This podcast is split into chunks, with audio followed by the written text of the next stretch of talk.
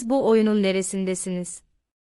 Yazan, Ömer Gencel İçimden geldi ve yazdım diyerek sonlu oyun sonsuz oyunları tarif ettiğim ve bunu geleceğimize kurguladığım bir yazı kaleme almıştım. Yakın tarihimizde bir süreci örnek göstererek bir ülkede kalkınmanın, özgür ve adaletli bir yaşamanın nasıl olabileceğini tartışmıştım. Kısaca hatırlatmak gerekirse sonlu oyun. Bir kuralları belli ve değişmeyen. Katılımcıları ve sayısı belli. Kazananı ve kaybedeni belli olan oyunlardır. Futbol, basketbol gibi oyunları da bu sonlu oyunlara örnek olarak göstermiştim. Sonsuz oyunlar ise bir kuralları değişen, katılımcılarının farklılık gösterdiği ve kaybeden ve kazananın olmadığı oyunlar olarak belirtmiştim.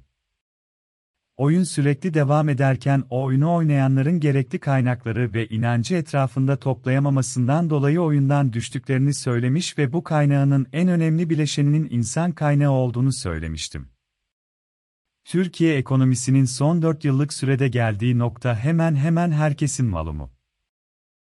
Aksoy Araştırma Şirketi'nin yaptığı bir kamuoyu araştırmasında, ekonominin durumu sizce nasıl sorusuna verilen yanıtlar bunun en açık göstergesi.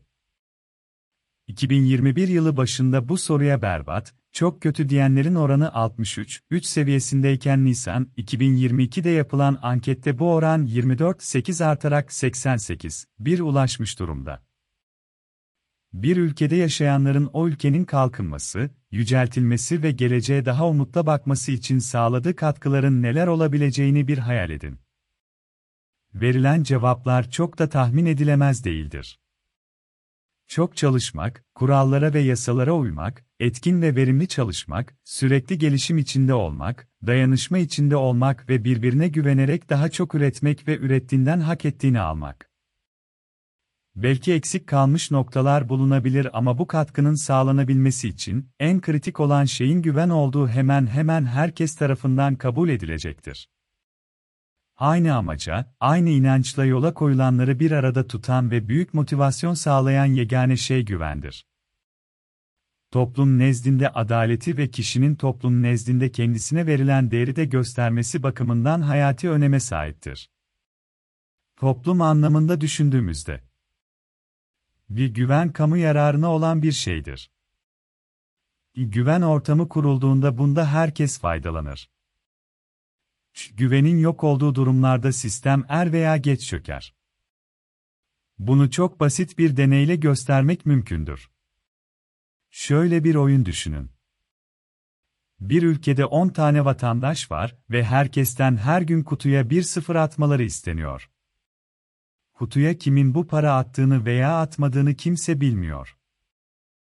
Ülkede üretim dinamikleri atılan bu 10'yi değerlendirerek atılan toplam miktarı 5 kat fazla olarak geri veriyor. Ku akşam açılıyor ve herkese üretimden aldığı 50 geri veriliyor. İlk gün kutuya herkes bir sıfır atıyor ve ortaya çıkan 500 herkese eşit oranda dağıtılıyor. İzleyen günlerde de herkes kutuya bir sıfır atmaya devam ediyor ve günün sonunda isini alıyor.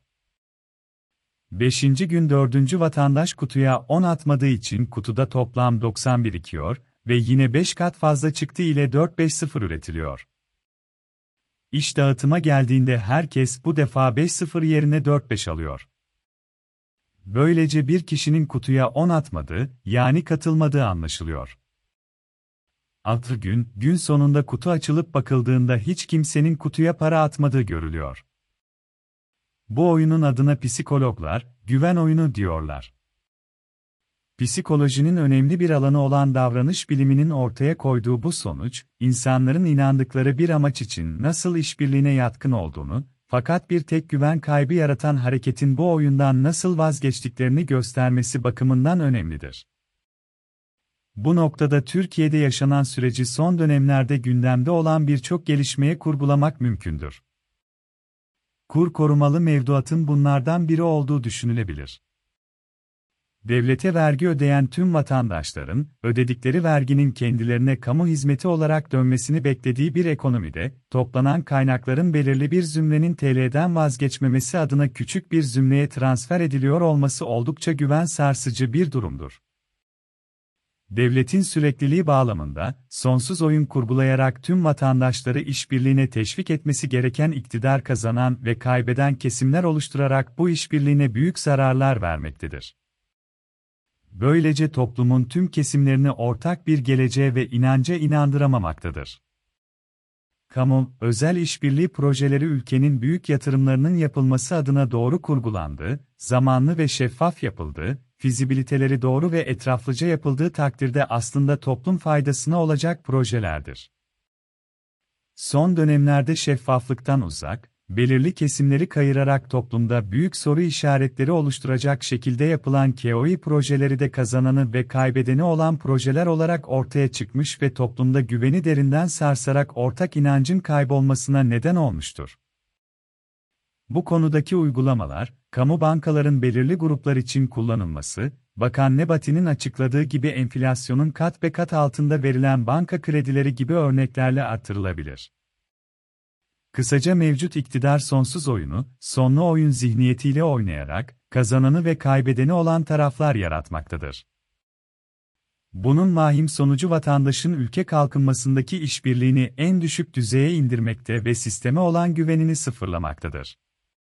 Çözüm, aynı ortak hedefe büyük bir inançla yürüyecek motivasyonu yüksek insan kaynağını bu sonsuz oyun içinde tutacak güvene, şeffaflığa dayanan politikaları uygulamak ve bunlardan sapılmasını önleyecek sistemi kurgulamaktan geçiyor.